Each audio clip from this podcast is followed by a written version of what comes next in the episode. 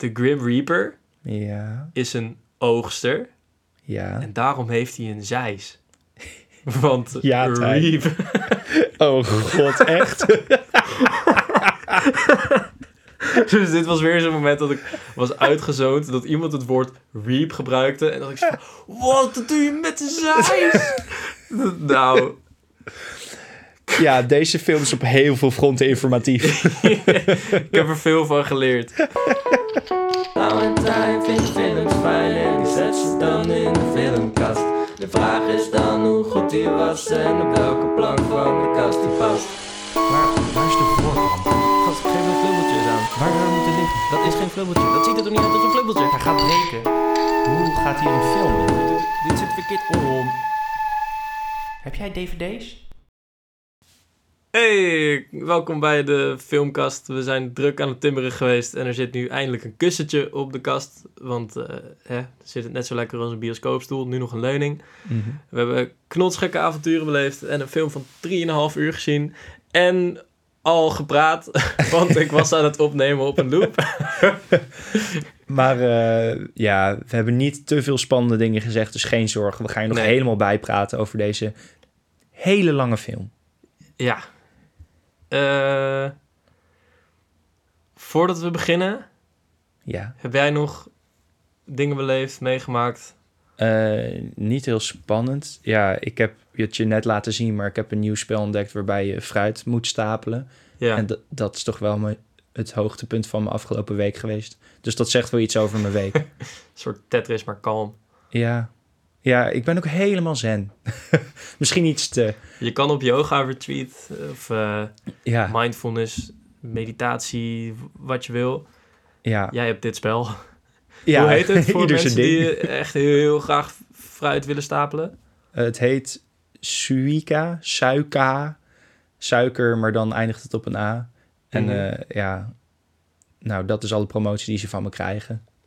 Dit vond ik ook wel dat we dit mogen shout-outen. Ja, Als ik zie wat voor kant het in jouw leven heeft gebracht, dan... eh, ja het, eh, nu ik een baan heb, zijn dit de soort dingen waaruit ik rust haal. Mijn leven is echt kapot. oh shit. Ja, daar moet ik...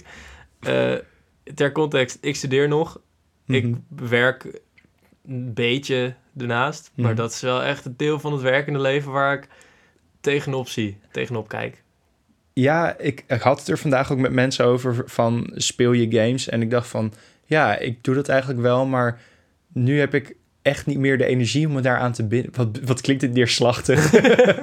ik kan niet meer gamen. En dat is ook eigenlijk helemaal niet waar, want ik ben gewoon wel weer Fire Emblem Ja. aan het spelen in het weekend. Maar ja, goed, dat terzijde.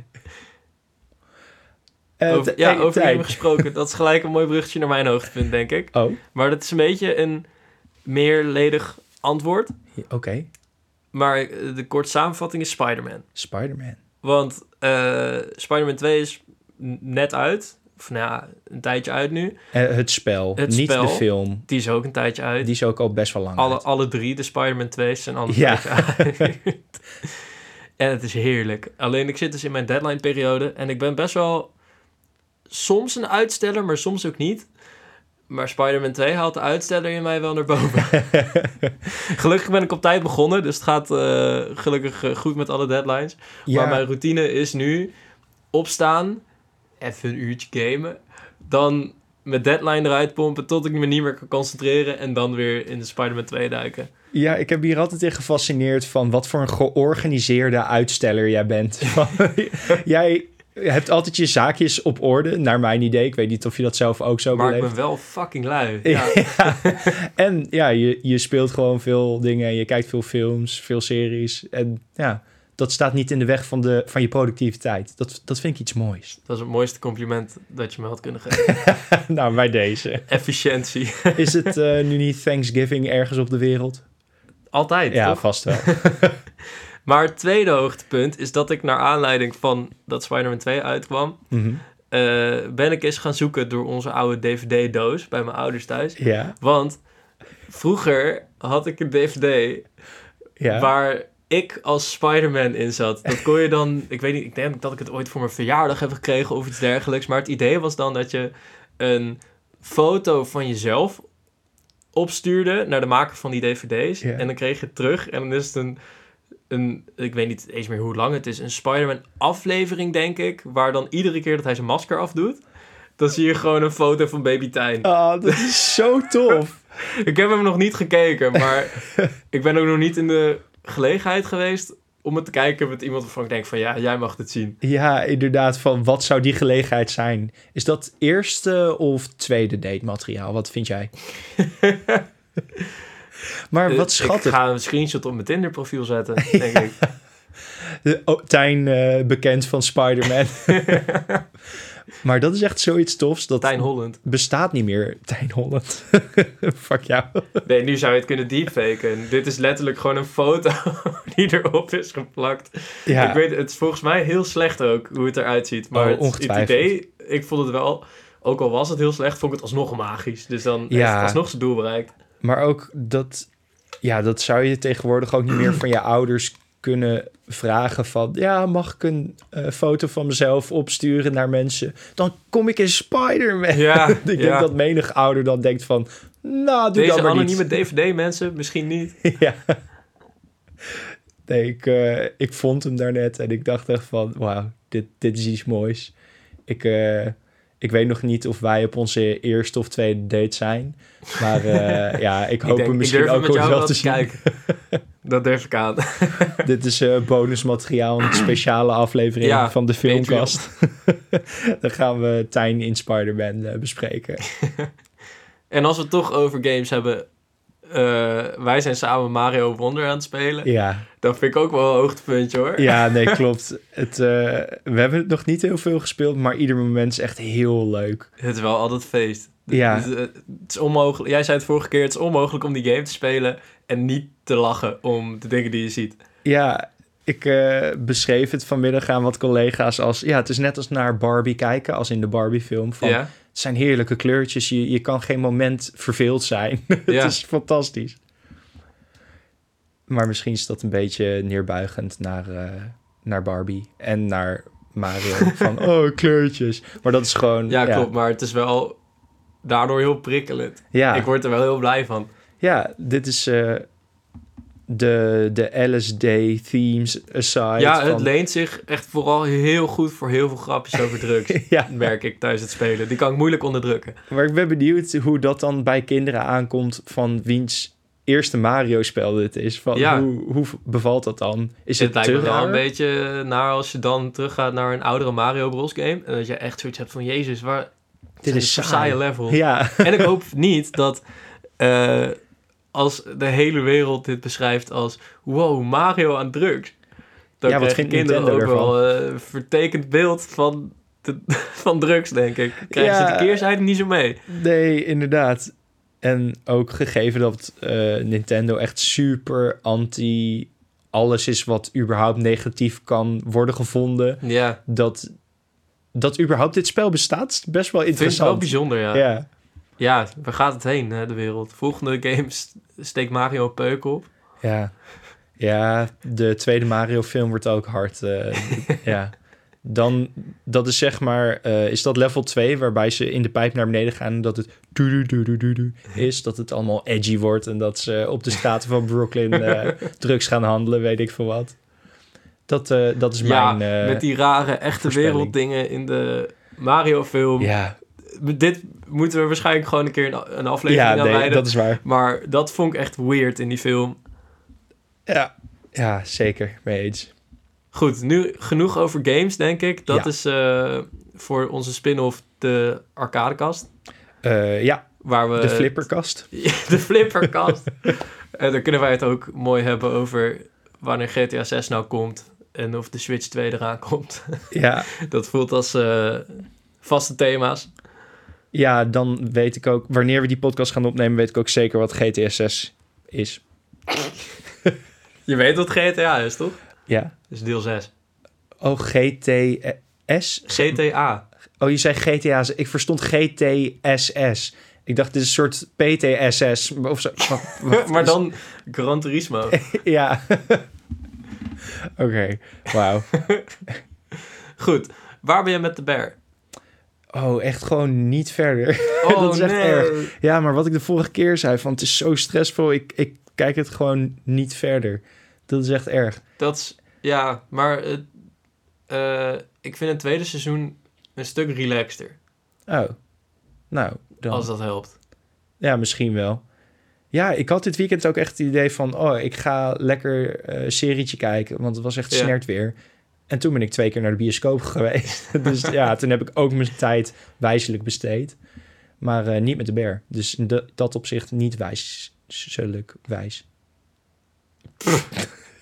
Ik moet ook zeggen dat ik na Killers of the Flower Moon ook wel echt helemaal geen zin had om iets te kijken. Want dat...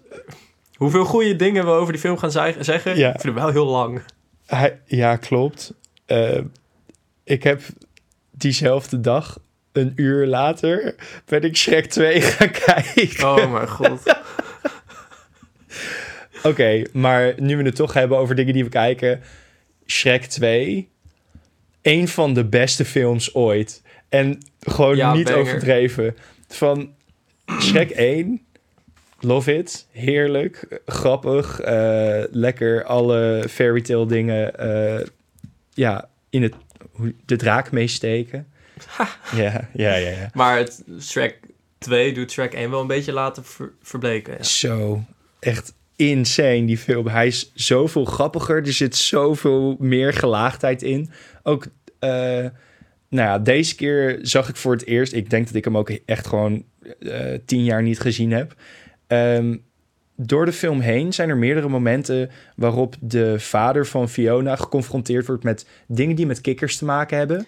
En dan, dan is dat bijvoorbeeld, in, dan komt hij een bar binnen en dan zegt een kikker met lippenstift op hem, heel sensueel, die zegt tegen hem van, oh, ken ik jou? En dan is van, oh, ik denk het niet. En als kind ben je van, haha, kikkers. Ja, ja. Alleen later in de film blijkt dus dat hij een kikker was en hij de kus heeft gehad en dat daardoor... is echt heel goed inderdaad. Ja, dat, dat soort shit valt me nu dan pas op. En denk Ja. ik van, wauw. En ja, Holding Out for a Hero, het einde van die film, is, zit Dat- zo dat- strak in elkaar. Dat films dat nummer nog durven te gebruiken, Ja, vind ik echt... Ja, toch over de Mario film gesproken. Belachelijk. Ja, het is inderdaad. niet meer passend. Het is gewoon geowned door eh Shrek 2. ja, absoluut. Ik heb nog zelfs van daarvoor wel eens films gezien die hem gebruiken. Waarvan Ja. ik dacht, oké, dat is ook wel heel goed. Ik weet even niet meer welke. Ja, Maar iedere keer sindsdien heb ik zoiets van, ja... Kunnen we deze gewoon in de ijskast stoppen? Dit is ook iedere keer niet meer iets nieuws. Of ik vind het bijna niet meer vermakelijk. mhm. ja, dan denk je van, oh, oké, nu komt de actiescène en Ja. jij bent de held. Maar Dat ja, vond ik in, ook in Shrek eigenlijk- 2 is- werkt het mee... Ja, het, het hoort er gewoon bij. Ja, dat is zo iconisch geworden. Maar dat vind ik überhaupt stom aan de Mario film ook. Dat ze dan Donkey Kong Jungle inkomen en dan eh, Take on me? Take Toch? On Me Ja. afspelen. En niet iets van Donkey Kong Country. Ja. Terwijl dat echt fantastische soundtracks heeft. Ja, Dus, en ja, niks tegen Take On... Denk ik. Ik niks Nee, tegen nee. Take On Me. maar gewoon Fantastisch nummer. muziek in een Mario film waar Ja, zoveel goede muziek al van is. ja. Dat voelt van- echt overbodig. We weten dat jullie cent te smijten hebben, maar jullie hebben ook heel veel mooie muziek inderdaad die jullie Ja. gewoon kunnen gebruiken. Maar ja, misschien hadden ze een budget over. ja me niks verbazen. zo budget over ja, of misschien toch voor de, de ouders die niet bekend zijn met de franchise. Oh, daar zit wel wat in inderdaad. Dat, Dat ze ja, toch dat iets herkenbaars hebben. Want herkenning is wel een beetje de drijvende kracht van die film natuurlijk. Ja, nou, dat is een goede observatie eigenlijk. Chapeau. Goed, weer even terug naar de bear waar Ja. we waren gebleven. Oh ja, ja. Eh, niet alleen vind ik seizoen 2 iets rustiger, maar er zit ook echt, denk ik, mijn favoriete Taylor Swift moment ooit in. Taylor Swift. Als we het toch hebben over muziek die wordt gebruikt in eh, dingen, zit een Taylor Swift nummer in en Oké. Toen moest ik, bijna van huilen. Oh, wow. Ja, Nou, ik denk niet dat het dit nummer is, want die is misschien te nieuw. Maar misschien is de cirkel nu helemaal rond. Anti-Hero zit echt al het hele weekend in mijn hoofd. en Holding Out for a Hero, Anti-Hero. Ja. Je hebt het nu over Taylor Swift. Eh, nou, aan je reactie eh, denk ik dat het niet Anti-Hero Nee, nee. is. Maar wauw, dat was echt fantastisch geweest. Want ja, ik heb dat nummer echt al het hele weekend in mijn hoofd. Ik weet eigenlijk niet hoe dat nummer gaat. It's me. Hi, I'm the problem, it's me. Eh, zo, zo gaat het. me niks. Ja, oké. Maar Banger. goed, over anti-heroes gesproken. Uh-huh. Killers of the Flower Moon zit er vol mee. Ja? Eh, Ja, gaan we erin? gaan we erin. Ja, we laten moeten we het eerst nog even hebben over hoe we aantekeningen hebben gemaakt. Dat zeiden Oh, we ja. van tevoren, dat we daar dat we dat gesprek gingen we bijna al voeren. En dachten we van nee. Dit moeten dit we moeten bewaren. we doen als de microfoon loopt. Ja. ehm, ja, ga maar. Ja, ik Vertel. heb dus, eh, ik zat helemaal links achterin en ik had tijdens de film de hele tijd al dingen waarvan ik dacht van, oh, dit, dit ga ik sowieso vergeten als ik niet nu aantekeningen maak. Ik zat gelukkig helemaal links achterin en ik heb ook echt zo om me heen gekeken of iemand dan in eh, line of sight van mijn telefoon zat. Want als ik iets verschrikkelijk vind, is als de Ja. persoon voor je de hele film op zijn telefoon zit. Ja. Het is echt, allemaal als die helderheid dan ook echt knetterhard Ja. staat, dat het echt een soort spotlight in je knar is. Maar goed, ik dwaal af. Ik heb dus gewoon de hele tijd een beetje stiekem links naast me, eh, zo mijn telefoon afschermend, zo een beetje dingen opgeschreven. Wat ik eigenlijk ook stom vind, want dan mis je natuurlijk ook wel weer dingen. Want je bent de hele tijd wel toch met twee dingen bezig tijdens het kijken van de film. Mhm. Maar met iets van 3,5 uur Er zit zoveel in. ben ik ook gewoon bang dat ik anders dingen echt ga vergeten. Ik Ja. heb, mijn, mijn aantekeningen waren ook een soort brei van snel getypte dingen met allemaal typfouten erin. En Zodat je snel niet weer op het scherm kon kijken. Ja, precies. En ook dingen waarvan ik denk van, wat de fuck betekent dat nou? maar, maar we gaan er vast uitkomen. Dus dat is hoe ik het heb gedaan. Hoe heb jij het gedaan? Nou, ik heb van tevoren ook sterk overwogen om gewoon een fysiek notitieblok mee te nemen en te gaan schrijven. Maar ik dacht van, ja, ik weet niet of ik zo snel schrijf en een Mhm. bioscoop is donker en super pretentieus. Hoe pretentieus is dat? Kijk, oké, we hebben al een filmpodcast, dus misschien moet ik dan de whole nine yards gaan. Lean als dat de- ja. En eh, Nee, dat, dat heb ik dus niet daar, daar gedaan. moeten we bij Ik, houden. ik ging ook met een, eh, een vriend samen en de, de zaal zat echt helemaal vol bij mij trouwens. Ja, bij mij ook. Dat was echt leuk. Daarom was ik ook blij dat ik een beetje achterin zat. Ja. En niet tussen het geklets zit. Nee, ik zat echt in het midden. En als we het toch over irritaties hebben in de bioscoop. Er zat een stel naast me. En die hadden allebei, ja, rubberen jassen aan. Want dat doe je gewoon. en die hadden ze over hun schoot heen getrokken. En daaronder hadden ze denk ik gewoon, ja, een koelkast. Of gewoon de snackkast hadden ze gewoon bij zich. Want ieder moment kreeg ik een elleboog in mijn zij. En dan ging, ging die vrouw onder de jas.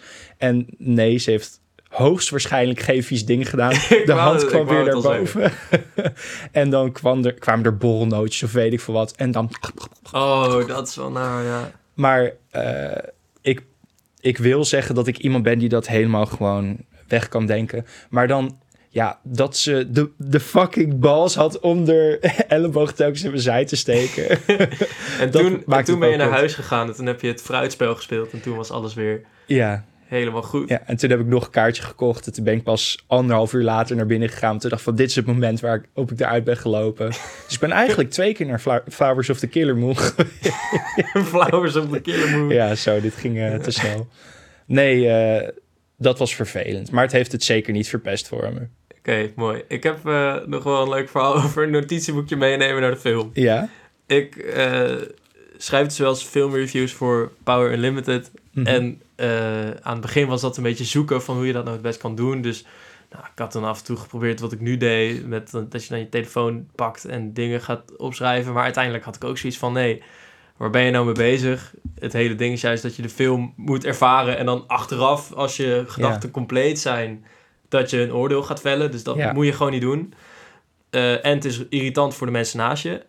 Maar toen heb ik dus ook een keer wat jij zei van een notitieboekje meegenomen. Want ik dacht zoiets van ja, ik moet wel iets opschrijven. En het- dat was dus echt aan het begin. Toen heb ik Black Adam ook gereviewd van Black Adam? alle films. Wat leuk. ja, maar toen heb ik dus ook aantekeningen gemaakt. Maar het is fucking donker, dus je kan niks zien. Ja, het is Black dus ik ging die aantekeningen terugkijken. En het is op zich best goed gelukt. Alleen ik had heel vaak gewoon hele zinnen door elkaar geschreven. Dat ik dacht dat hier staat volgens mij nog niks. En dan is er gewoon een zin doorheen geschreven. Oh, wat Ik goed. ben echt veel te lang bezig geweest met ontwarren wat er nou stond. Maar eh, ook een hele diepgaande, gelaagde film, denk ik. Ik heb hem niet gezien overigens, maar... eh, Nee. nee. Nee, het is wel genieten, maar niet echt een hele sterke film, moet ik Mm. zeggen.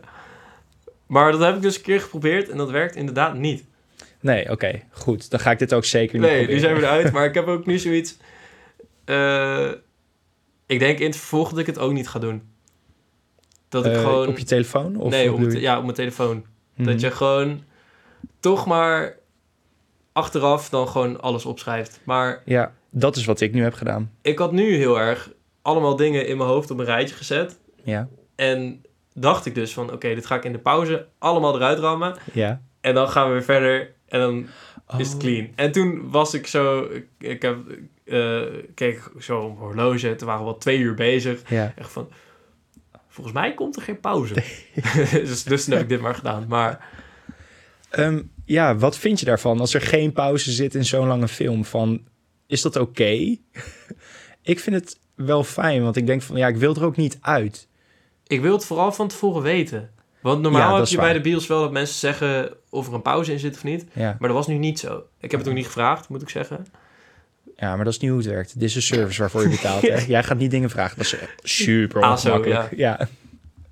Ik sta er ook altijd gewoon in de hals van, waar is mijn popcorn? Ja. Maar, maar eh, ja, ik zat nu echt in on onwetendheid te wachten van... Is er, is er nou wel of niet Oh, dat is vervelend. Maar eh, het voelt altijd wel heel erg abrupt, omdat het er niet op gemaakt is. Ja, klopt. Het schijnt dat dat in eh, Bollywood, dat de films ook gewoon geëdit worden met het idee, er zit een pauze in. Dus dat er ook van tevoren al een moment wordt gekozen wat dan de pauze is. Ik ben niet zo Oh, thuis in Bollywood, dus ik weet niet tot in hoeverre dat ook in de film terug te zien is als je hem thuis zou kijken. Uh-huh. Ja, Maar daarin wordt echt al van tevoren bepaald wanneer de pauze erin zit. Dan voelt het iets beter dat je niet in een horrorfilm ineens op het spannendste moment eruit wordt gehaald. En bij sommige films past het natuurlijk ook gewoon helemaal niet. Maar ik denk dat deze er wel eens had kunnen gebruiken als ik wel eerlijk ben. ja, gewoon zo'n asociale runtime, dan, dan moet het ook bijna wel van ja, 3,5 uur. Daar kan ik niet met mijn vader naar de bioscoop, want die plast gewoon echt. Ik ja, ieder uur is misschien te, te, te wijd. ja, ik ben daardoor ook niet met mijn vader naar Oppenheimer geweest. Dus ik, oh, ik weet zeker dat hij het een banger Oh. film vindt. Ja. maar Oppenheimer had bij mij een pauze. Oh, echt? ja, Oh, ja, bij mij dus ook niet. Ja. wacht, dat weet ik niet meer. Wacht. Nee, ik weet het niet meer. Ik moet nu geen claims gaan maken over wat ik denk. Maar eh, Killers of the Flower Moon. ja, laten we er eindelijk wel over beginnen. Ja. Eh, eerste gedachtes. Spoiler territory dus nu, hè, trouwens. Dat ging je waarschijnlijk al vanuit, maar Ja. ik zeg het nog maar even. Ehm, ik was bijna vergeten wat ik moet verwachten van Martin Scorsese. Want eh, ik heb overigens... Dit is misschien altijd goed om te doen. Ik heb niet alles van hem gezien. Moeten we opnoemen wat we wel hebben gezien? Oh, ja, dat is wel leuk. Ja, goeie. Ik heb eh, Taxi Driver gezien. Ja, ik Eh, ook. Goodfellas. Die hebben wij samen gekeken. Hebben we dat samen was leuk. gekeken. Dat was echt een goede film. Eh, The Wolf of Wall Street. Die vond ik, die, dat naast Goodfellas misschien mijn favoriete Scorsese film. Mijn favoriet is The Of- Departed. Die is echt... Oh ja, zo- damn. Oh, en Shutter Island. Sh- Ja, oh fuck. ja, Dus- nee, dat is waar. Ik, ik weet niet meer wat mijn favoriet is. Oké, ja, Martin Scorsese heeft. Hij is echt best veel wel bangers. goed in films maken. Dus. Casino, die, Die heb ik niet gezien. dat is eh, een beetje Goodfellas, maar met Casino. Nou, ja, staat zeker op mijn lijstje. Ja, eh, we, moeten we op IMDb spieken of hij nog meer heeft gemaakt? Want bij David Finch verschaamde ik me achteraf Ja, wel. nee, hij heeft veel- ook veel. Ik heb toevallig vandaag nog gekeken, maar het was te grote lijst om in één keer te onthouden. Eh, Ja, maar die man is ook echt al ja, 80. 50, 60 jaar... Ja, Ja, 50, jaar in 50. de industrie of zo. ja, ik zag toevallig een, eh, een foto met een artikel erbij van Robert De Niro, die in deze film eh, King Hill speelt. Ja. Eh, ja, daarmee heeft eh Martin Scorsese ook zijn eerste film Taxi Driver samengemaakt. En dat is Ja. dus 50 jaar geleden. Ah. Raging Bull heeft hij ook gemaakt met Oh ja, Robert oh. The Irishman. De Heb jij die gezien? Nee, want die vond ik te lang. ik weet nog dat die op, op Netflix kwam, de Netflix-release. Oh en toen dacht ik van, nee, dit is te lang. Ja, maar toen hebben ze het ook als miniseries gereleased, toch? Oh, echt? Dat ze uiteindelijk later hebben ze er volgens mij net als ehm, Die, de Hateful Eight van Quentin Tarantino is, als, is opgedeeld in drie delen met Echt? extra content. En dat is op Netflix gezet volgens mij. Hè? Ik weet Oh, niet of ze dat bij de. Irishman nou ook hadden gedaan. Oh, dat is heel vet. Dan, dan wil ik hem nog wel een keer zien, de Hateful Eight. Want dat vond ik ook echt een ja, heerlijke oh, film. dat ligt in die film, jongen. Het is gewoon Ja. één hut en dan... Het blijft toch interessant. Ja, Ja, dat vind ik echt heel knap. Dat vind ik echt knap. Eh, Eh, maar The Irishman, dat is ook een beetje zo'n maffiafilm als eh, Goodfellas en Casino. Alleen gaat hij ook in op ouderdom. En dat vond ik echt een heel interessant thema. hmm. Want het is ook een film van Martin Scorsese met Robert De Niro en Joe Pesci... die echt al, dus sinds, die al 50 jaar lang samenwerken. En die worden nu ook gewoon allemaal een dagje ouder. Dus dat wordt voor hun ook een veel relevanter thema. Dus die ja. Kwam wel hard aan. Oh, vet. Ja. En ehm The King of Comedy heeft hij gemaakt. ja. die daar had gezien. ik eigenlijk nog nooit van gehoord, moet ik eerlijk zeggen. Heb je Joker gezien?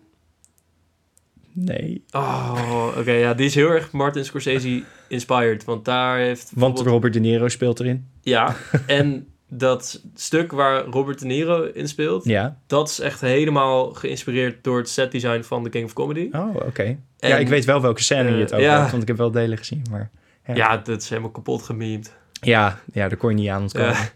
En eh, een groot deel van die film is ook gebaseerd op Taxi Driver, volgens mij. Ja, Wat wel hele interessante inspiraties zijn voor zo'n film natuurlijk. ja. Eh, Hugo heeft hij ook nog gemaakt.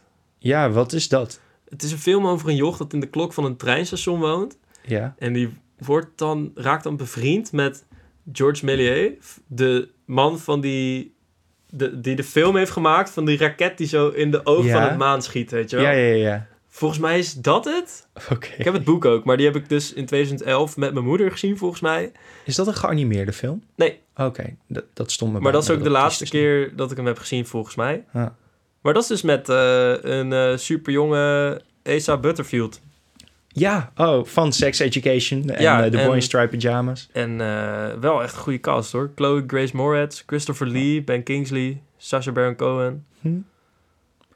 Maar het punt waarmee ik hier naartoe wilde, want je hebt het weer niet over Ja. The Killers of the Flower Moon, is, ik dacht, deze man kan films maken. Ik hoef er niet zoveel over te weten. Ik ga er gewoon heen. Ik Mhm. vertrouw je wel. Wat dan raar is dat ik niet de Irishman heb gekeken, maar goed, dat heeft terzijde. Mhm. Ehm, de film begint. Eh, we hebben het over Indianen, Osage Indianen, eh, die in Oklahoma... Native Americans. Native Americans, sorry, je hebt gelijk. Indians, zegt ze in de film. Ja, helemaal correct. Eh, Native Americans. Ehm, en ze vinden olie op hun grond. En de witte bezetters denken dan van... oei, dat is jammer dat we dit land aan de Native Americans hebben gelaten. Ja. Wij willen die olie. En dan vervolgens ontwikkelen ze een soort systeem... waarbij ze, eh, elk eh, Native American persoon moet een soort van ja, sugar daddy eigenlijk hebben. Of iemand Ja, die verantwoordelijkheid is voor, om met hun geld om te gaan. En vanaf het begin af aan denk je al, dit is super krom. Hoe, hoe kan dit? Hoe houdt dit stand? Waarom vinden al deze mensen dit goed? Ja, En eh, daar gaat de film eigenlijk over van... eh, deze mensen zijn superrijk, maar ze zijn alleen superrijk... omdat ze in een systeem moeten functioneren van geld... wat de witte mensen naar ze toe hebben gebracht. Dus als het ware hebben de witte mensen altijd nog de macht. de touwtjes in handen. Ja. Ja, klopt. Ehm, Ja, Ja. echt heel interessant. Ik had wel inderdaad wat jij ook had van... eh, het is een Scorsese film, ik ga hem gewoon kijken. mhm, En waarschijnlijk is het weer iets heel unieks. ja, Eh, maar ik had op een gegeven moment dat het een beetje klikte van wat nou hun plan was en wat ze aan het doen waren. En toen had ik weer eens van, oh ja, dit is echt classic Scorsese. Dat het wel gaat over Ja. mensen die geld van andere mensen proberen af te pakken. En dat Ja. vond ik wel weer heel grappig. Ja, het is eigenlijk gewoon weer een maffiabende... die, Ja, ja. die de hele town runt eh, opnieuw met eh, Ja. Robert De Niro aan het hoofd. Eh, Ja, maar nu wel heel zwaar beladen natuurlijk. ja, vanwege die thema's. En dat vind ik wel heel interessant. Het maakt het allemaal wel een stukje zwaarder en emotioneler. Ja, want dit is een waar gebeurd verhaal. Dit is hoe het ging. Ehm, maar ik moet zeggen dat... En het voelt alsof ik als eh, jong persoon... die nog niet alle Martin Scorsese films heeft gezien... niet kritisch op hem mag zijn.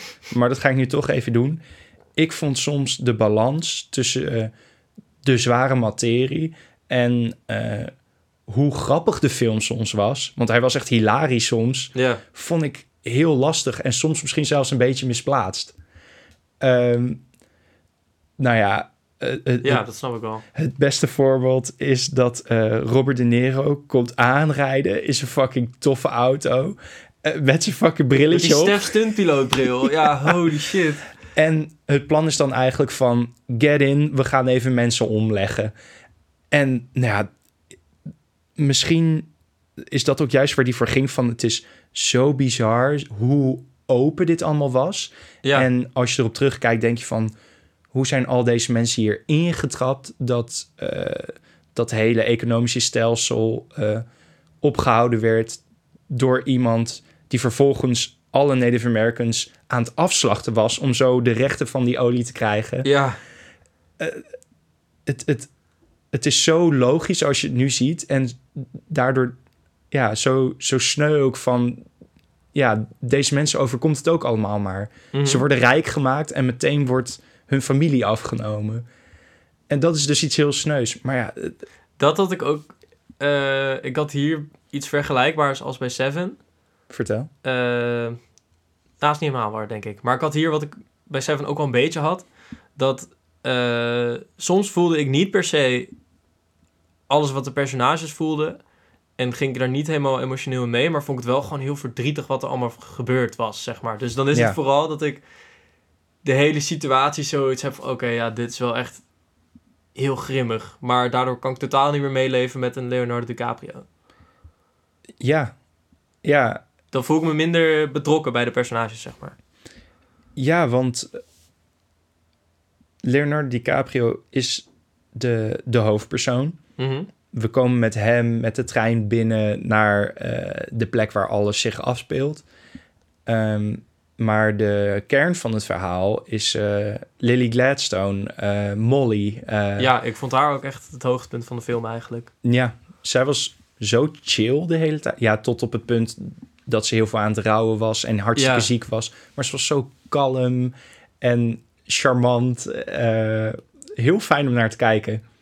Ik vond het ook echt heel erg interessant wat er aan heel erg vroeg in de film zeiden ze over die Osage van ze gebruiken weinig woorden, maar ze horen, ze nemen alles in zich op Ja, en ze weten echt donders goed wat je aan het doen bent. ja, Dus op het moment dat Leonardo DiCaprio's personage gelijk haar gaat proberen te, te fixen als eh, jonge taxichauffeur Mhm. voor haar geld, dat, zij heeft het gelijk door. ja, Dat vond ik echt heel grappig. Alleen daardoor had ik wel een beetje van... Oké, maar waarom trap je hier dan in? Want ze zegt echt... Ja. De eerste ontmoeting van... Ja, wil alleen maar geld. Ja. Dat weet ik. En dan trapt ze er alsnog wel in. omdat Leo zo charmant is. Dat is het gewoon. Maar nou, ik vond hem hier niet charmant. nee, dat ze op een gegeven moment eh, iets in haar taal zegt... en dat hij dan zegt van... Oh, that must be Indian for handsome devil. ja, dat, dat, dat is wel grappig. Oh, en dat vieze lachje van hem ook. Zo, dat echt- ja, ja. Doe Hij- misschien niet goed na, maar... ze hebben hem extra ranzig gemaakt voor Ja, deze het film. is echt, dat vind ik ook een kunst. Ze hebben Leonardo DiCaprio goor gemaakt. Dat, Eh, als je kijkt naar de Titanic en Romeo en Juliet, ja, Ja. dan lijkt het heel moeilijk. Maar tegenwoordig heeft hij ook gewoon wel een dikke kop natuurlijk. Ja, dat is waar. Ja, ik, ik, wou, ik had ook in mijn aantekeningen gezegd dat hij wel... Hij wordt inderdaad wel een dagje ouder. Maar no shame in that. nee, inderdaad. In die tijd werden ze misschien ook, zagen ze er misschien eerder oud uit. Ja, want eh, in het begin van de film dacht ik ook van... Ik was echt heel erg in de war. Ik, Hoe oud is hij? ja, precies. Sowieso tijd in deze film. Fucking Gaat super snel. geen idee. Ja, Dat, had- ik had een paar jaartalletjes tussendoor wel gewaardeerd, denk ik. Want ineens Ja. hebben ze dan ook kinderen. En dan Ja. Komt ze de hoek om en is ze zwanger. Ja, Ja. dan denk ik van, wat? ook op een paar punten was ik gewoon in de war over de volgorde.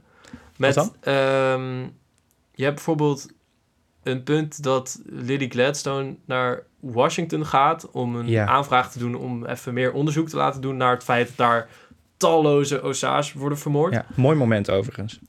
Alleen tegelijkertijd wordt tegen Leonardo DiCaprio gezet, gezegd: Jij hebt hier insuline met gif, jij gaat haar nu vergiftigen met haar diabetesmedicatie. Ja, Maar dan zegt, zeggen ze, eh, dan reageert hij van: eh, Ja, maar ze gaat naar Washington. ja. En dan, wanneer zij daadwerkelijk naar Washington is gegaan, of dat nou voor of na dat vergif was begonnen, ik vond, ik zat er echt te puzzelen, terwijl ik echt het idee had dat dat best wel een simpel plotpunt was.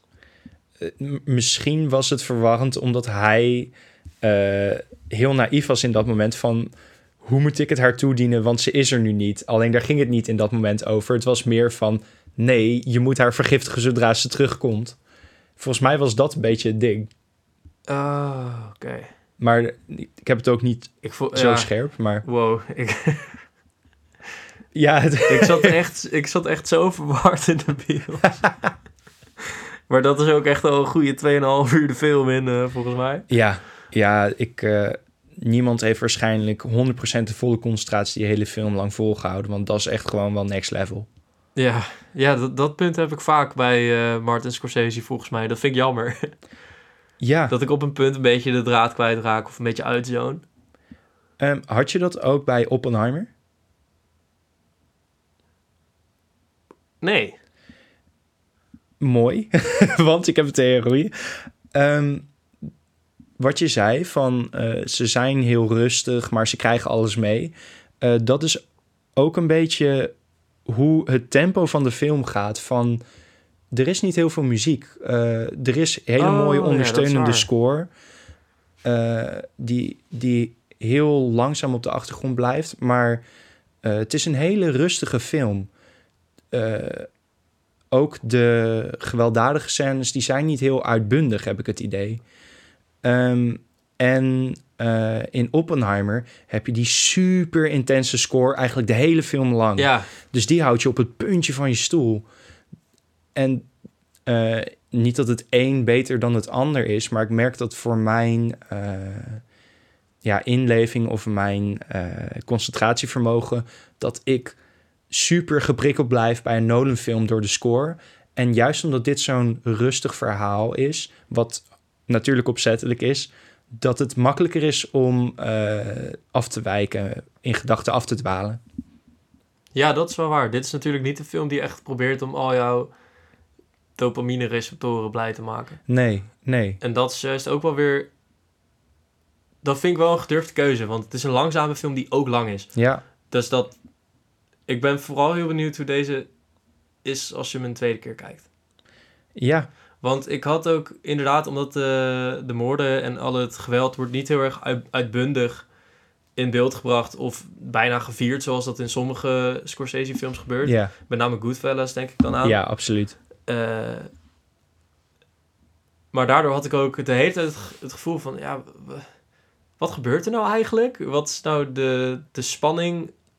Ja, Want iedereen weet dat ze worden opgelicht, alleen Ja. ze doen er gewoon niet zoveel aan. nou, dat, dat gevoel bekroopt mij, alleen... Nou, dat, ja, dat is uiteindelijk ook niet waar, denk ik. Maar ik, ik had niet het idee dat iedere... alle geweldsuitingen echt de adrenaline lieten pompen. nee, En dat is denk ik uiteindelijk iets goeds voor deze film, maar wel inderdaad een reden dat ik veel meer af aan het dwalen was in mijn hoofd. ja. En dat betekent niet dat de film niet spannend is, want eh, op sommige momenten, zoals eh, het moment dat, ehm gods, die, die andere witte guy die al een vrouw gesleten heeft en vervolgens met de zus van Molly getrouwd is. En Eh, Bill Smith. Bill Smith. Ja, ja. met zijn vrouw, Jada Pinkett Smith. Eh, maar dat is niet zijn vrouw. En ze vonden elkaar Oh, nee. eigenlijk al heel lang niet meer leuk. Eh, nou ja, goed. Die drama gaan we niet nu ontrafelen.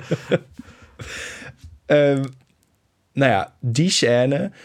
eh, dat je weet dat het huis opgeblazen gaat worden. Mhm. Of tenminste, ja, dat er dynamiet aan te pas komt. Want ze moeten tegelijkertijd dood. Want het moet niet zo zijn dat Ja. de een de wil van de ander kan overnemen. En dat Leo zich dan zorgen maakt omdat Molly nog in dat huis ja, dat is. was wel echt grimmig. Ja, dat was eh, intens. En dan liggen ze net in bed en dan worden de ramen uit hun huis geblazen. Ja. En dan leeft die guy nog. Ja, Zo. En dan schreeuwt hij om neergeschoten te worden. En iedereen kijkt in horror naar hoe dat huis is opgeblazen. Ja. En dan, oh, dan wordt die vrouw opgetild. Oh, dat was Ja. echt zwaar. Oh, dat was echt heel naar. ja, dus ik heb dan tijdens het, de film had ik soms het gevoel van ja, er gebeurt eigenlijk heel weinig. Alleen als je dan over de film gaat nadenken, dan zijn er echt heel veel dingen gebeurd. Want het is ook Ja. echt een gigantisch verhaal natuurlijk. Ja. Eh, ik had bij Robert De Niro's personage dat hij me maar aan één persoon deed denken. En dat is? Heb, heb jij Toy Story 3 gezien? Ja. Lotso. Echt, vanaf moment één. Ik kon echt de hele tijd dat hij iets zei, zag ik alleen maar de grote paarse beer voor me. Dat, dat klopt zo erg. dat is echt heel vervelend. Dat Ook het klopt. hetzelfde zuidelijke accent. Ja. Ja. Ik ging bijna twijfelen of Robert De Niro misschien Lotso is. In mijn hoofd klopt dat nu ook gewoon. Wat goed. nou, het droeg bij hoor. Ja. En ik zat nog te denken, eh, er is een moment dat eh, de Native Americans met een soort... eh, ze hebben dan hun inheemse accent waarin ze Engels spreken. Maar soms hebben ze ook echt dan dat ze dan Missouri of zo zeggen. En dat voelt echt als zo'n rare mengelmoes. Mm. Dat, dat vond ik grappig. Maar toen ging het balletje rollen in mijn hoofd. En dit is dus zo'n moment dat ik echt volledig niet op de film heb gelet. Omdat ik dit aan mijn hoofd aan het uitpuzzelen was. Ja. Hoe zijn er voor het eerst mensen in Amerika gekomen? Want je hebt dat hele gebeuren met de, de, de vruchtbare halve maan en de plek Ja. waar voor het eerst mensen zijn gaan leven. En dat was, neem ik aan, ik ben niet zo scherp op Oh, de oertijdsgeschiedenis. Ja. Al nadat de wereld uit elkaar was gedreven en dat de continenten een eigen onderdeel waren. Ja, dat Pangea niet meer Ja. een ding was. Gods, nu gaan we gewoon dingen zeggen van... Oh, eh, weet je nog, Pangea? Of, eh, Nee, maar dat. Daar, wacht. Of is het dan deel van een ander volk van ergens anders dat al een keer naar Amerika's gevaren? Want het hele ding is natuurlijk van dat Native Americans Indianen worden genoemd, is omdat Columbus dacht dat hij naar India aan het varen Ja. was. Dus niet alleen is het een rare naam omdat zij al eerder in Amerika leefden en dus Amerikanen zijn, maar ook vind ik het interessant dat er gewoon geen hout van klopt. Dat, ze ooit, dat die naam ooit is blijven plakken. Ja, ja, het is absurd. Ja, de macht van de witte man, hè? Ja. Ja, Maar goed, maar hoe zijn er nou ooit mensen op Amerika gekomen? Tijn, ik ga hier echt niet het antwoord op kunnen geven. Want het zou toch ook bizar zijn als mensen dan wel al op dat continent zijn geëvalueerd, maar dan wel op bijna dezelfde manier. Ja, dat, dat klopt. Maar dat is wel hoe het ging inderdaad. Maar Het tegelijkertijd... is niet alsof één persoon ook ineens een boer was... of ineens dacht van, hé, hey, dat wilde zwijn, dat kun je eten... En dat dan gewoon aan zijn buurman heeft doorgegeven totdat de hele wereld het wist, hè? Nee, Het, de evolutie ging op verschillende plekken Ja, eh, tegelijkertijd in andere snelheden. Dat het gewoon eigenlijk al door de wetten van de natuur is voorbepaald hoe onze evolutie God. is gelopen. Ja. we nu heel erg Ja. ik zeg maar gewoon ja met het idee maar- van nu is het klaar. Maar je had wel... Sorry, nee, dat is niet... Nee, dit is heel interessant. Je had eh, wel, tenminste heeft mijn geschiedenisdocent me beweerd, volgens mij, of biologiedocent, ik weet niet meer, dat degene die ontdekt had dat Pangea een ding was, Ja. die had dan eh, de continenten uitgeknipt en dat dan Afrika en Zuid-Amerika tegen elkaar gehouden. En dan is, past het echt als puzzelstukjes tegen elkaar aan. Is in praktijk niet helemaal zo, maar wel Nee. genoeg om dus de conclusie te trekken dat Pangea daardoor een ding was. Uh-huh. En volgens mij giraffes. Maar er, wa- er waren diersoorten die aan beide kusten leefden. Waardoor ze zoiets hadden van... Dus die zijn er al sinds dat uiteen is gedreven. En daarom is die conclusie getrokken dat het ooit een eiland is, moet, is geweest. Toch? Dus misschien is dat ook wel met mensen zo geweest. Ja. Oké, Killers of the Flower Moon. Ehm, oh god. Waar Dit, de ja, dit fuck- was mijn eerste Eureka-moment van de film. Ik heb er nog één, maar daar komen we later op. Oh god. Ehm, eh, Leo eh, Loves women, loves booze, loves, Loves gambling. Ja. ja, hij was echt heel erg upfront over het feit dat hij heel graag geld wou verdienen. Ik was gewoon niet voorbereid op het domme Leo. Van, Nee, hij is altijd niet. zo... Nou ja, afgezien Als je, van als je misschien... Jordan Belfort hebt gezien in Wolf of Wall Street... en dan ziet hij... Ja, hij is er altijd zo calculated. En, Ja. ja. Ja, misschien is dat ook omdat ze... Zeg maar... Leonardo DiCaprio is wel de stereotypische knappe man van Hollywood. Onder andere. Eh, ja. misschien dat die vaak ook in de heldenrol wordt gezet. En allemaal scherpe grapjes heeft. En neer wordt gezet als iemand om naar op te kijken. Dus misschien dat hij ook gewoon nooit getypecast wordt als eh, iemand die misschien net wat minder hoogbegaafd is dan de normale personages die hij speelt. Wat heel grappig is, Ah, want in zijn, een van zijn eerste rollen, misschien wel de eerste, What's Eating Gilbert Gilbert, Grape, speelde juist iemand met, een mentale beperking. ja, Mag ik dat weet zo zeggen? Denk ik wel, maar ik weet even vooral niet meer wat hij dan had. Maar dat nou, is ook niet belangrijk natuurlijk. Maar, maar ja, misschien dat daardoor wel het ook zo gek is om hem in die rol te zien. Ja, ook gewoon nogmaals, van ik was niet voorbereid waar deze film over ging. En toen het eerste moment dat er mensen op straat aan het vechten zijn... en hij gaat daar ook maar gewoon tegenaan trappen... dat ik dacht van, wat de fuck is deze guy aan het doen? Ja, en daardoor dat hij dan zegt van... Oh, yeah, yeah, I love women. Yeah, yeah, yeah. Dat, dat ik echt dacht van, oh, oké. Ja, ik, vind, ik vind het wel knap. Hij heeft wel range. Ja, zeker. Ja, het was eh, opnieuw een goede rol voor eh, Leo. Ja. Ik, eh, Wat is zijn beste rol? Oh man. Ehm. ja. Eh, ik hou van jonge charmante Leo. En je weet dat ik ook biased ben voor deze film. Maar Catch Me If You Can is zo heerlijk. Daar laat hij ook Ja. zoveel range in één film zien. En zoveel ehm, visuele onzekerheid. Terwijl zijn hele personage het juist cool moet spelen. En dat hij dat toen al kon, toen hij, nou, ik ga er geen uitspraak over doen, jong was. Eh, fantastisch.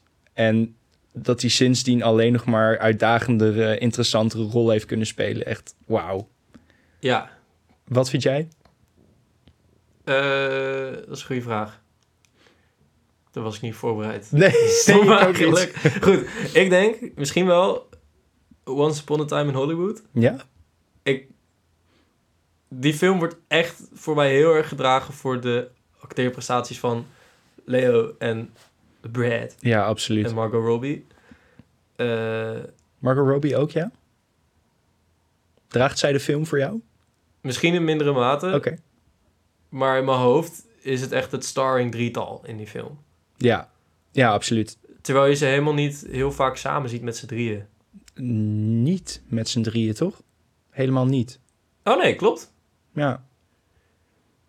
Dus dat is ook heel interessant. Want het is inderdaad Ja. helemaal zo geadverteerd ook natuurlijk. Ja, En je onthoudt die drie aan deze film. Maar ja, deze hebben geen scène waar ze alle drie in zitten. ja ik, vond, ik moet zeggen, ik vond met name de verhalen van Brad Pitt en Leonardo DiCaprio inderdaad interessant. Want bij Margot Robbie kan ik me nu ook gewoon niet zo goed herinneren wat ze nou allemaal deed in de film. Behalve met vieze voeten naar de bios gaan. Ja, dat was wel heel schattig. ja. Dat heeft ze ook in het echt gedaan, overigens. Hè? Echt? Ja, eh, toen eh, Once Upon a Time in Hollywood uitkwam... toen eh, heeft ze bij die bioscoop ook heeft ze dit Wow. allemaal gedaan. Eerst met blote voeten door de modder lopen. Nou, ik, oké, dat ik weet niet of dat... maar ze is naar de film gegaan en heeft gezegd van... ik wil graag één kaartje voor die film. En dan is het van, ja, zoveel geld. Maar ik zit in de film. Nou ja, volgens mij hebben ze bij haar niet eens hoeven zeggen van... "Nou, het kost zoveel. Het was meer van... Margot Robbie. haar herkenden ze wel. Eh, en toen heeft ze ook een foto gemaakt met degene die haar het kaartje verkocht. Wow. En, eh, ja, heel schattig. Oh, wat leuk. En in eh, Once Upon a Time in Hollywood is dus de film die je ziet op het moment dat zij in de bios zit, Ja, is die met de originele actrice die ze speelt. ja. Dat vond ik ook leuk. Ja, dat was tof. Ja, dat, dat zijn mooie gewaagde dingen die eh, Ja. weinig films doen. Ja, maar die voeten mag Quentin wel Oh. even mee ophouden, Oh, denk ik. fuck. Ja, ja oké. Ik wel, Da- kom op, iedere Nee, keer krijg je nee, een paar vieze voeten in je gezicht geduwd. Daarom ga ik niet naar de film. Nee, daarvoor blijf ik wel thuis om voeten in mijn gezicht te duwen. Maar het fantastische bruggetje van eh, dat ze kijkt naar de echte actrice. Het moment dat Molly naar Washington DC gaat en dat daar die foto wordt gemaakt in Killers of the Flower Moon, dan zie je die foto die wordt gemaakt. En dat is de echte foto van dat moment. Oh, wow. Want ik, ik zat toen even ook te kijken, te zoeken van, huh, maar waar is Lily Gladstone in deze foto? Dat is mij helemaal niet opgevallen. Waarschijnlijk was ik toen over Pagea aan het nadenken. Fair. ja, dat. Yo, ja, leuk. Oh, wat vond je van Brandon Fraser in deze film? Wow, ja! Ik was echt fucking verrast dat hij erin zat. Ja. Nu weer. Mhm. Maar eh, ik merk het. dat, dat, ja, ik vind het gewoon altijd leuk om hem te zien. Absoluut. Ik, ik weet niet of hij... Ik, ik zie hem ook echt als de innate good guy. Dus ik was hier echt verbaasd dat hij Robert De Niro aan het representen was. Maar ja, eh, ja, ik weet niet. Ik werd, ik werd gewoon zo blij van een Brandon Fraser weer in films te zien... dat Ja. ik niet heb stilgestaan bij of het nou goed was of niet. oh. nee, oké, dat, dat sentiment snap ik. Ja, hij is ook een voorbeeld voor mij in deze film van...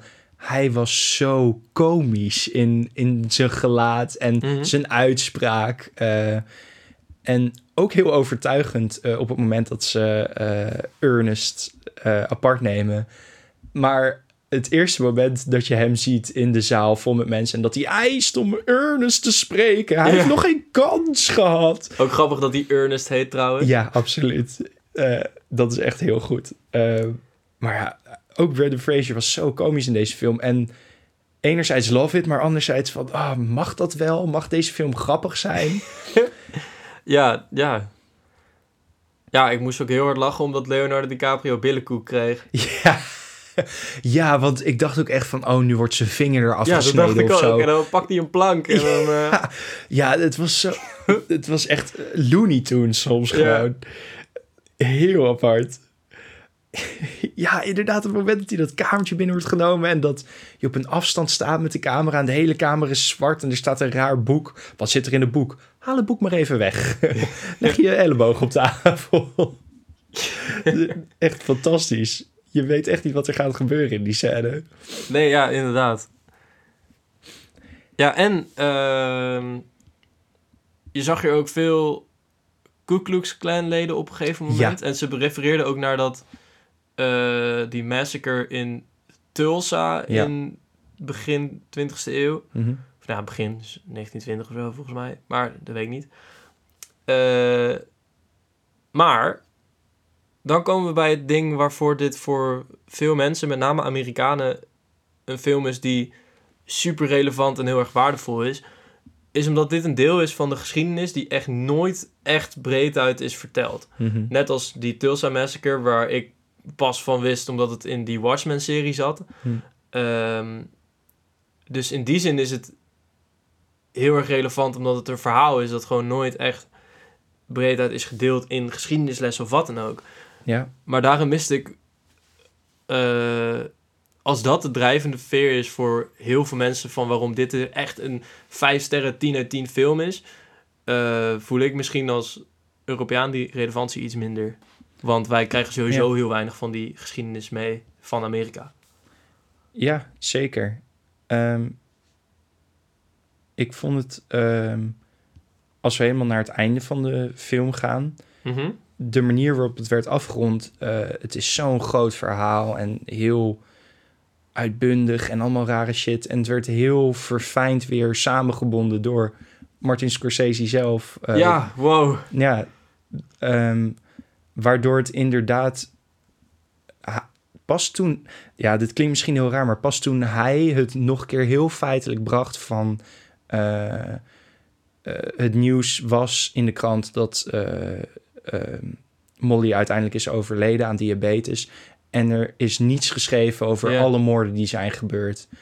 Pas toen dacht ik van ja, dit is echt inderdaad van hoe, hoe weten we dit niet?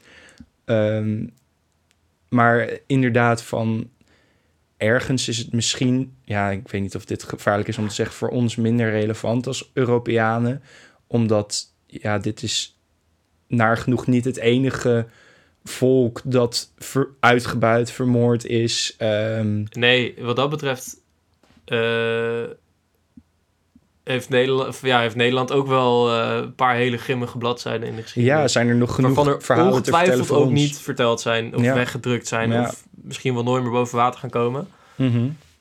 Dus eh, wat dat betreft is überhaupt al heel goed dat deze film bestaat en dat het Ja. niet een geromantiseerde, geromantiseerd gangsterverhaal is.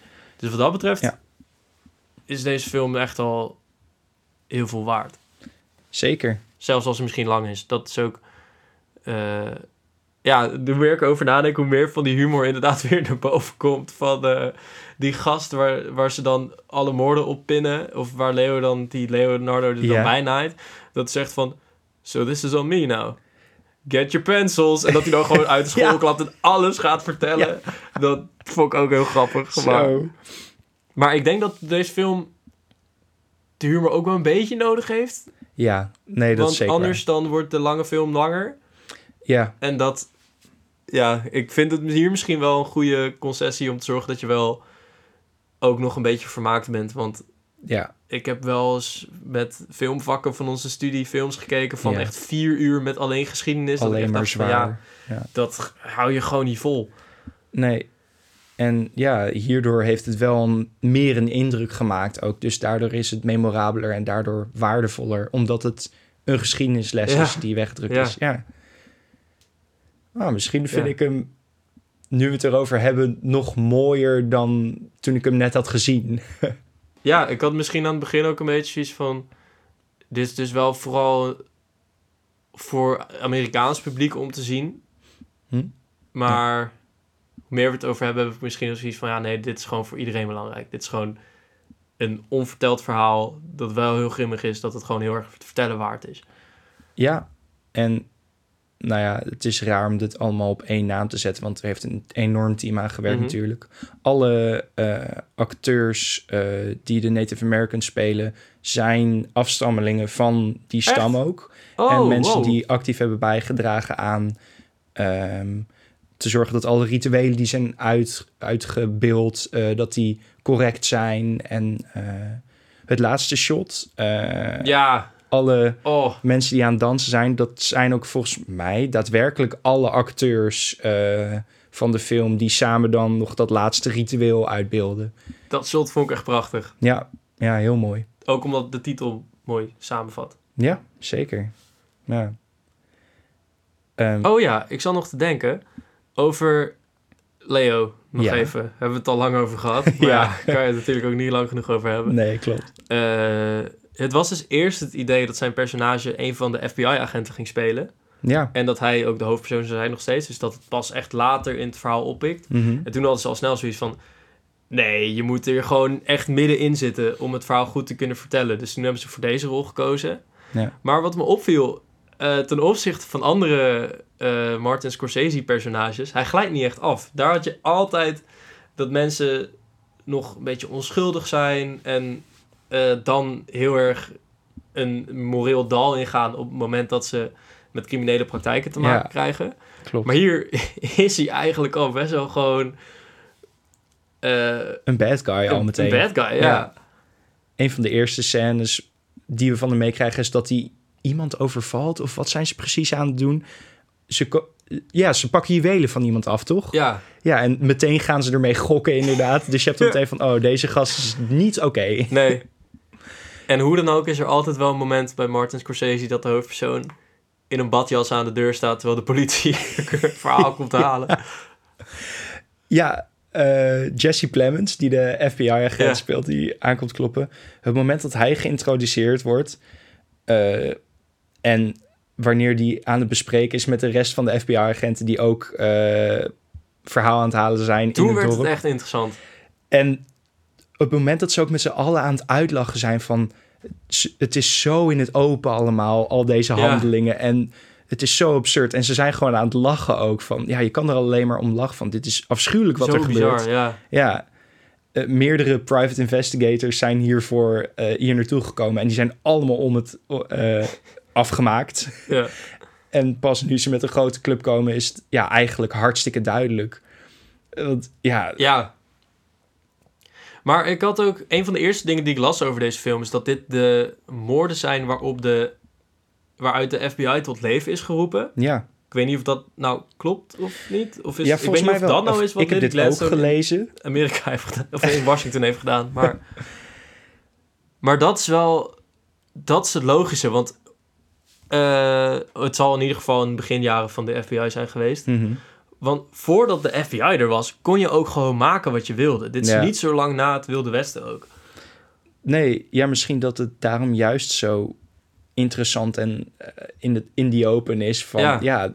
er was geen hogere macht. Geld was de hoogste macht. Ja, wat dat betreft is dit ook echt best wel een omslagpunt geweest in de geschiedenis van overheden. Misschien. Ja, zeker.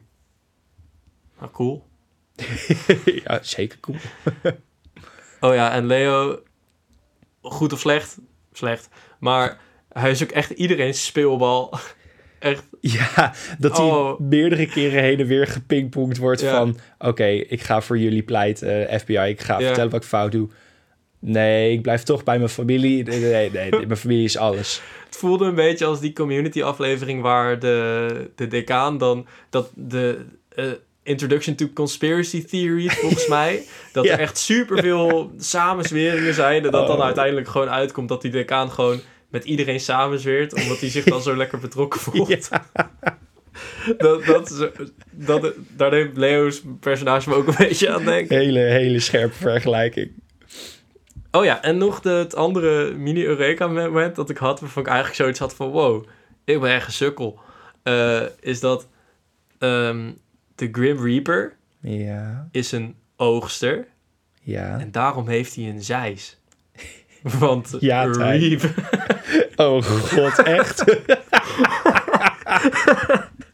dus dit was weer zo'n moment dat ik was uitgezoond... dat iemand het woord Reap gebruikte... en dat ik zo van...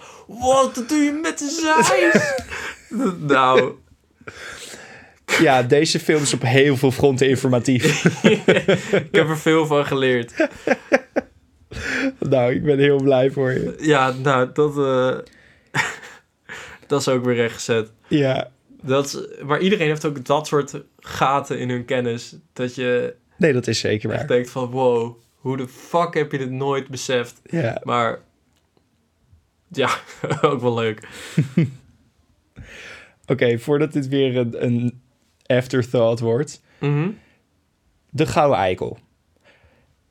Die, ik wil nu meteen een nominatie maken. Die guy die open toegeeft van ja, eh, of...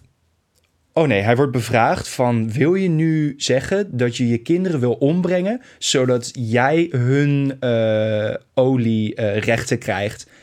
En dan zegt hij van... nou ja, als geen wettelijke erfgenamen zijn voor die olierechten... dan ga ik ze natuurlijk niet opbrengen. Als ze dat wel zijn, dan ga ik dat wel doen. Toen dacht ik van, wow, wow, dit is echt ziek. En vervolgens wordt hij gevra- betrokken bij die rechtszaak... en moet hij iedereen erbij naaien. En dat doet hij dat maar gewoon om zijn sentence te verkorten. Ja, dat is de grootste eikel in Ja, mijn... dat ben ik het mee eens. Zo. Dat of eh, Lotso. Maar, lo- oh, los. maar dat doen we wel een keertje als we Toy Story 3 Ja, hebben ja, ja. gekeken. Nee, eh, Robert De Niro's personage is natuurlijk de makkelijke keuze. Ja, Eh, klopt, En die hebben we vaak gemaakt. Maar hoe, Ja, nee, die- hoe dat koud wel- die scène was, man. Zo, die was indrukwekkend. Als ze daar meer op hadden ingezoomd en hij was een prominente personage... dan was hij het absoluut geweest. Ja, Zeg, ja. maar dan, zeg maar dan was dat de obvious keuze. Mhm. Dat, dat eh, is denk ik ook een beetje onze plicht bij het uitreiken van de Gouden Eikel. Ook de subtielere eikels de subtielere eikels. even ja, in de spotlight zetten. ja. In de slechte spotlight dus. Dus dan verlichten we juist de hele kamer behalve dat ene stukje. Eh, Wow, oké. Zo, mijn microfoon is nu nat. Daar heb je een plopkap voor. ja, dat is waar. Ja, nee, het, eh, het is inderdaad onze plicht om de... In de schaduw te zetten? Of nee, juist wel in de spotlight en even te zeggen van... hé, dat is dus echt Je bent echt een eikel. Ja. Maar, nou, de echte persoon is eh, denk ik wel al lang overleden. Dus die kan hem niet meer ophalen. Ja. Dus eh, Ik had ook even moeten opzoeken zetten? wie de acteur was. Maar props naar hem. Van, eh, hij was ook overtuigend in dit scala aan fucking goede acteurs die ze hier hadden. Ja, Ja. sprong hij er ook even uit voor mij. Ik heb ook het idee dat hier geen slechte rol in zit. Zo, ik... nee, ik heb er ook zo even geen. Ik had ook heel lang de theorie dat iedere keer dat Leonardo DiCaprio aan het liegen was, dat er een vlieg voorbij kwam.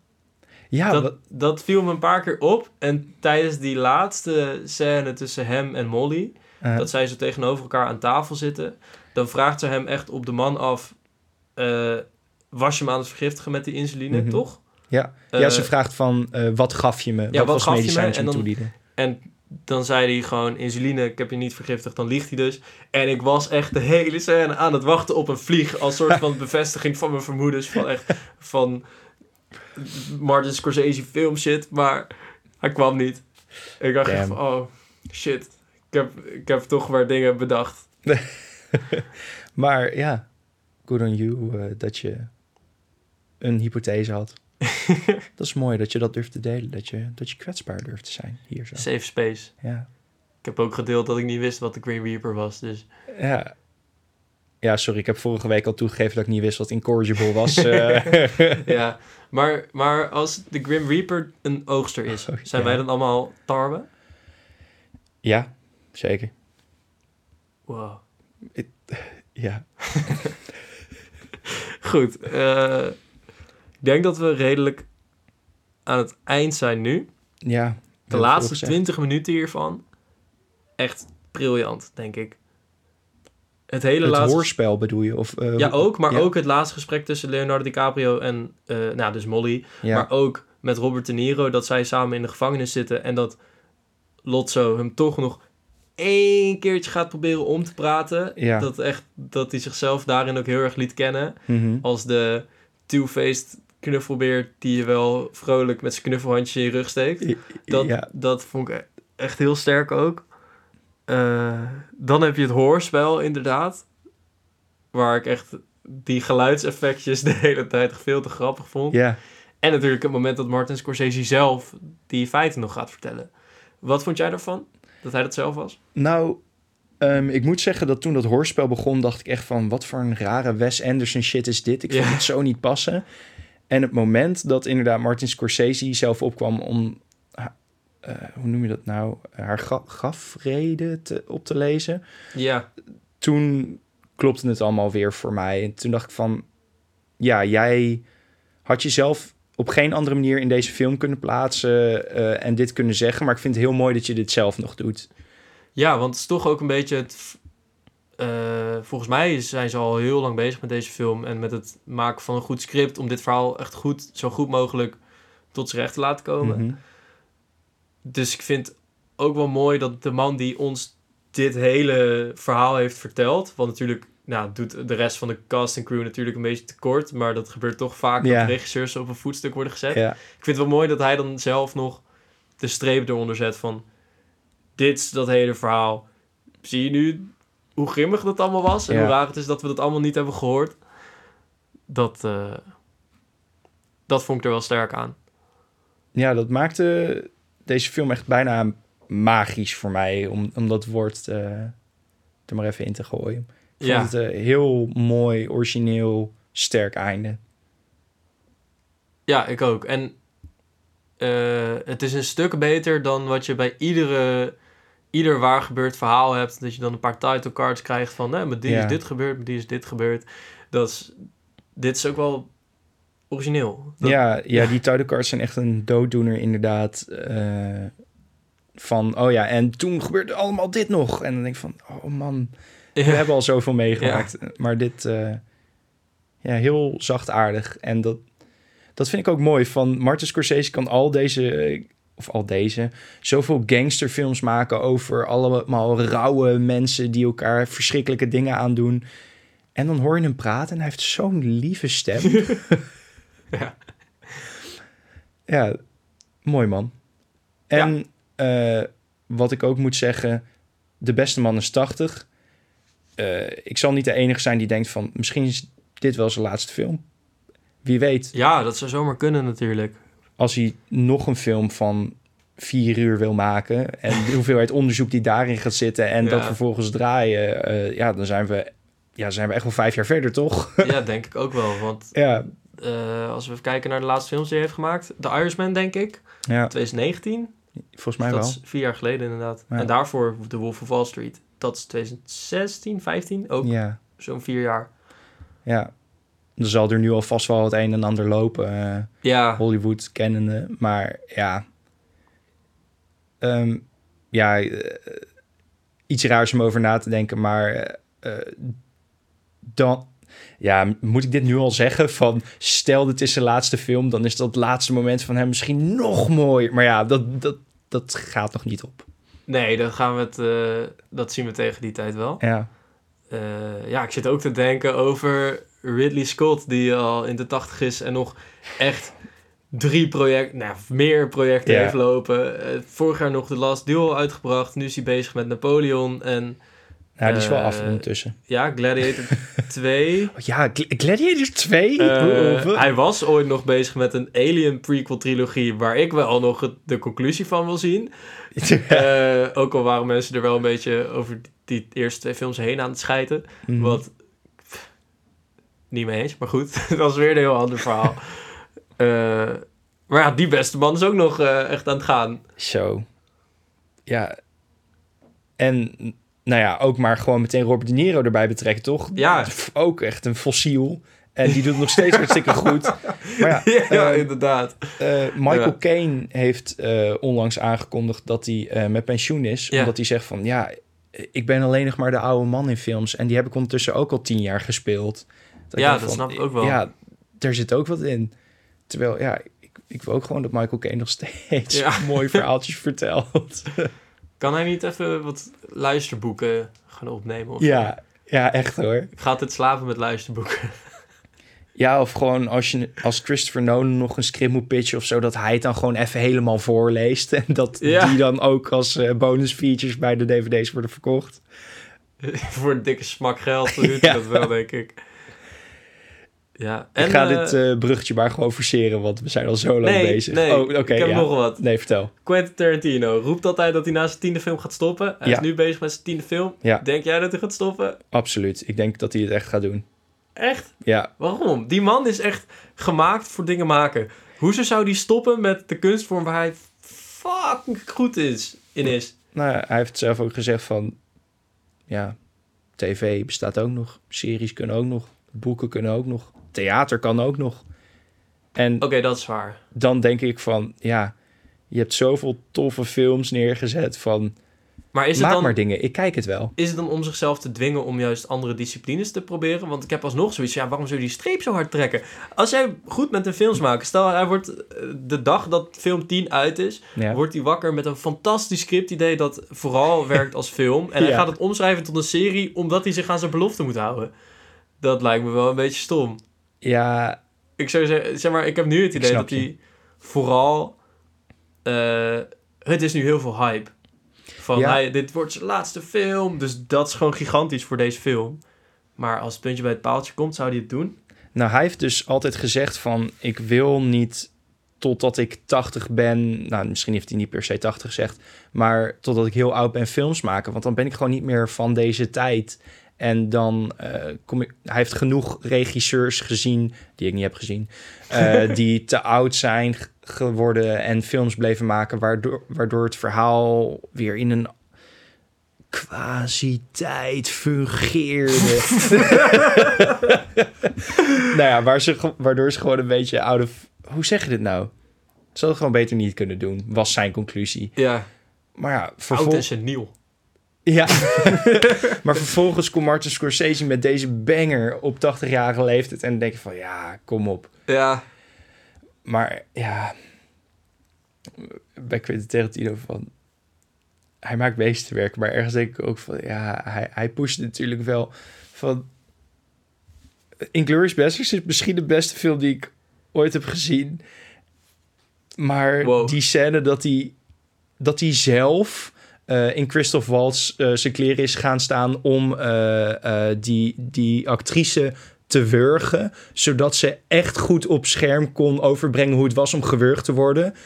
Dat soort verhalen, waarom, waarom kan dat? Waarom zijn mensen trots ja om te vertellen dat, waar. dit gebeurd is? Ja, ook... Oh, Uma Thurman? ja, Uma Thurman. Dat hele verhaal van dat zij tijdens Kill Bill 2, volgens mij, Ja, wou zijn stunt niet doen. Zei Quentin, nee, kom wel goed. ja en toen is ze ja. keihard gewond geraakt. Ja. En toen heeft ze gezegd van, oké, ik wil nooit meer iets met deze man te maken hebben. ja, En dat, eh, dat mensen zeggen dat ze nooit meer iets met je te maken willen hebben. dat is intens. Ja. Er zit vast nog meer achter. Ja, dat denk ik ook. En eh, ik ben er, dit is dan weer niet, dit is dan weer mierenneukerig en niet eh, kritiek op hem als persoon. Beetje, maar ik vind het ook gewoon heel irritant dat hij zichzelf altijd in films stopt en altijd de slechtste performance in zijn films is. dat is zo stom. Met name, heel in, grappig. met name in Django Unchained dat ik echt zoiets van, ja, wat doe Ja, waarom ben nou? jij in Australië? waarom? dat klopt echt van geen kant, inderdaad. Ja, ook omdat Django Unchained misschien gewoon te lang duurde. En Ja. dat al... Maar dan, Ja. als je dat iedere film gaat doen, wordt het ook zo'n gimmick. En Ja. dan is niet iets dat dan meegenomen wordt als je gaat nadenken van... Oké, waarom maak je die keuze eigenlijk? Wat je hier dus wel hebt bij Ja. Killers of the Flower Ja. Moon. Ja, scherp. En waar denk je dat de titel op slaat? Killers of the Flower Moon. Denk je dat het de mensen zijn die de Flower Moon hebben gekild? Of Oh. denk je dat het de killings zijn die tijdens de Flower Moon hebben zich afgespeeld? Of Ja, ze legden het wel uit tijdens de film, toch? ze legden uit wat de Flower Moon was, toch? Ja, Maar dat Ja. killers gedeelte, hoe ze dat eraan koppelen... ja, ik denk inderdaad dat het de, de Flower Moon, dat dat de mensen zijn die, die ze inderdaad uh, Ja, helemaal met ook de laatste shot natuurlijk. Ja. ja, dan zijn de mensen inderdaad de manen ook, ja. En ja, ja, ja, ik snap hem. Dat, maar dat denk ik, hè. En Nee, de- dus daar, daar kwam ik uiteindelijk ook dus, op uit. eh, Maar wel interessant. Dit kan je ook wel echt op meerdere manieren Ja, interpreteren. ik, ik wil hem nog een keer zien. Ja, ik, had dus, ik kwam de film uit met het idee... Wow, dit was net als bij Seven. Dit was supergoed, maar helemaal niet leuk om te kijken af en toe. ja, Eh, ja. Maar het, ik eh, heb nu eigenlijk zoiets inderdaad van... Holy shit, deze film is echt... Hoe meer we het erover hebben en hoe meer ik erover heb nagedacht... is het echt wel gewoon een hele goede film. Ja, ja, ja, het was sowieso geen, geen slecht... Dat zou jij ook ongetwijfeld hebben gedacht. Het was zeker geen slechte film de eerste keer dat je hem keek. Maar het was wel nee, nee. ja, zwaar soms. En dan niet in, in, in de zin dat eh, waar het over ging heel zwaar was om te zien. Maar ook gewoon dat het een zware zit was. Ja, ja. Maar Volgens mij was ik ook brak. oké. Dat helpt niet. Nee, dit zou zeker niet de eerste film zijn die ik opzet op een brakke dag. Nee, maar dat, ik had toen wel zoiets van... Oh, ik ben brak. Ik ga niet zoveel doen vandaag. Ik ga gewoon lekker mijn eentje naar de bios voor de hele avond. Want deze film duurt ook de hele avond. Ja, ja fair. dat was wel lekker. Maar Ah, misschien inderdaad niet de beste film voor als je brak bent.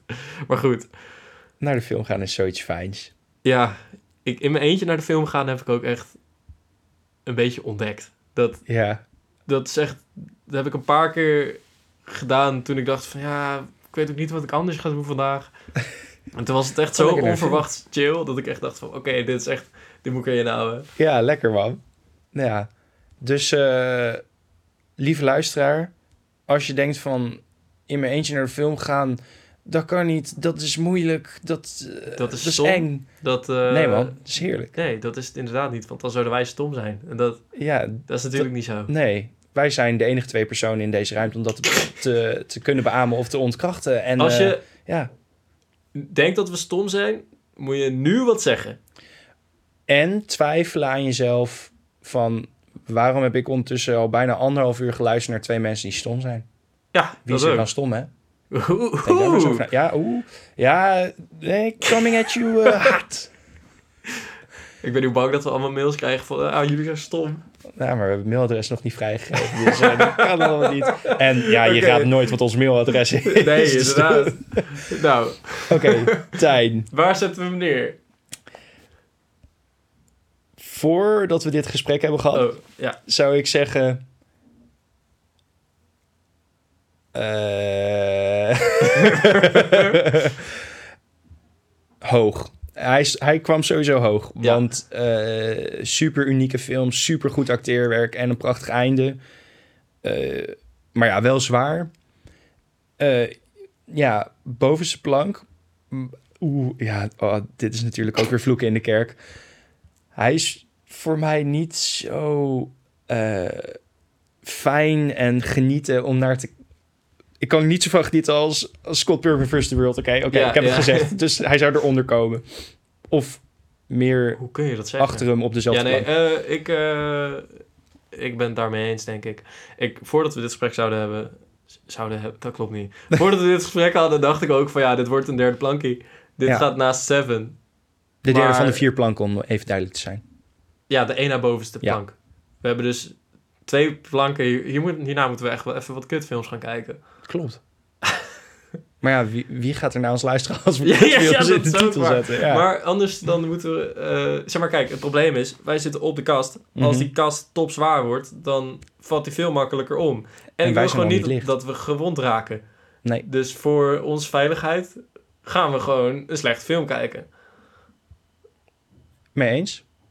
Of we zetten gewoon onderin echt een boekenset... van iets dat we allebei niet leuk vinden. Gewoon even puur voor het evenwicht.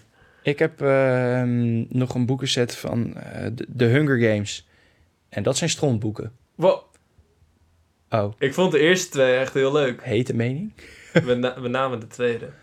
Met name de tweede. We namen de tweede. Vond je... Ja, die klokarena, man.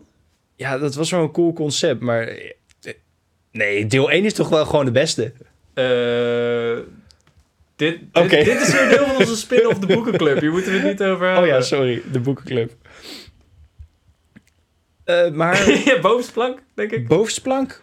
En ehm, Naast Scott Pilgrim en Ralph Fiennes. ja, die blijft daar gewoon. Ja, en tot nu toe hebben we al iedere aflevering genoeg iets over In Bruges gezegd. Dus eh, nu heb ik dat weer gedaan. En door. of, nou ja, dat hebben we. We hebben de Gouden Eikel gehad. Naderen we We hebben nog de unieke rubriek van de week. Oh, de unieke rubriek van de week. Ja, welke factor zonnebrand pak jij altijd? Oh, dit is echt niet iets waar ik over nadenk. Eh, Dat is- dus een interessante vraag, hè? 30. Oké, oké. Ik, ik weet ook eigenlijk niet genoeg over zonnebrand. En over Nou, ik heb me laten vertellen dat de factor is hoe lang het werkt in minuten. Ik weet niet of het klopt. Wow. Lieve mensen, mochten wij ons fout insmeren met de foute eh, zonnebrandcrème, laat het ons dan weten. Want als onze gezichten en lippen verbranden, dan klinkt de podcast niet crisp, zoals nu. We hebben ons voor de podcast ook ingesmeerd. Ja, maar moeten we dat... ver- Dat was niet meer zonnebrandolie. moeten we dat nu al eh, gaan vertellen? Nee, dit komt een keer in een behind the scenes achter een paywall. Dat we nu al de hele tijd heel serieus over deze film naakt in olijfolie zitten te praten. Ah, ik had me zo voorgenomen dat ik geen rare seksuele dingen ging zeggen. Hier moeten we dan weer allemaal Yoshi-geluidjes overheen gaan plakken. Oh. Godverdomme. Goed, mijn favoriete zonnebrand eh, is eh, factor 50, want ik ben ginger. Dat is eh snel gemaakte keuze. Dit is leuk voor de mensen die niet weten hoe wij eruit zien en die luisteren en die nu denken van, oh kut, nu moet het beeld van Tijn in mijn hoofd aangepast worden naar Ginger. Nou, ik ben ook niet zo ginger. Oh, oh nu moet het weer aangepast worden. Wat is niet zo ginger? Eh, blond? Ik heb meer een ginger baard. niet veel weggeven. Ja, straks herkennen ze me. Dat Ja. moeten we niet hebben. Nou goed, ik verbrand snel. Dat is eh, het enige wat je Ja. hiervoor hoeft te weten. Vervelend man. Ja, Ja. ik minder snel. nou, dus niet dus, want daar kunnen we gewoon heel veel dingen tegen doen. Zoals factor 50 gebruiken. Ja, en factor niet 30 naar buiten maar vaker. Ja, dat ook. En films kijken. hey, Nou, kan ook buiten. dat, dat klopt. Kan dat buiten? Ja, ik, Ik heb dat tijdens corona wel eens gedaan. Dat dan een, een huisgenoot van me corona had. En die eh, is dan toen op mijn balkon gaan zitten. Terwijl ik en een huisgenootje binnen op mijn bank zaten. Dat hij door het raam nog steeds de tv goed kon zien. Dat is zo omslachtig en heerlijk. hey, lieve luisteraar. Fijn dat je weer eh, hebt geluisterd naar de filmkast met Tijn en Lau. Ja. Ik draai hem gewoon om. Ja. Ik denk ook dat het vaker gaat gebeuren. Hem omdraaien? Ja. Of dat Nou, mensen het is vaker niet, gaan eh, luisteren? Tijn en Lau met de filmkast, maar inderdaad de namen omdraaien. Ja, want anders is het zo vervelend. Dat Dat is ik... wat dynamischer, toch? Ja, klopt. Want we doen het samen. Ja. Nou ja, daarom de N. Oké, dat wordt je niet sterker op. Filmcast met Tijn of Lau. Net als, denk je dat Nick en Simon dat nu ook doen? Dan staat er gewoon op de, op de poster bij de concertzaal Nick en Simon. Of Nick of Simon nu. En dan weet je gewoon niet wie van de twee je krijgt van tevoren. Heb je... oh, gaan we het nu over Nick en Simon zijn? Het duurt al zo lang. ik wil het dolgraag nog even met je over Nick en Simon hebben. Maar ik wil ook gewoon de luisteraars rust geven. Want, En Mario Wonder spelen. Ik zie al waar je naartoe ja, ja, dat misschien ook wel. Nou, zullen wij dat maar gaan doen? En dan kunnen de luisteraars lekker naar bed of eh, naar werk. Of naar werk. Ja, ze hebben nu een extra tram moeten pakken... omdat Ja. ze tijdens een Stel je voor niet dat iemand luisteren. een half uurtje met de auto is gegaan om deze podcast te luisteren. Dan duurt het ineens anderhalf uur. Ja, in de auto's Hij blijven is- zitten op het is- parkeerterrein. Als je nu al een uur te laat bent op werk, sorry. En respect. Ja, dat vooral. Dat, Ja. We zijn blij met je. Je kan je uren vast declareren, maar niet bij Niet ons. bij ons. En Eh, op die noot, tot de volgende. Wel rusten.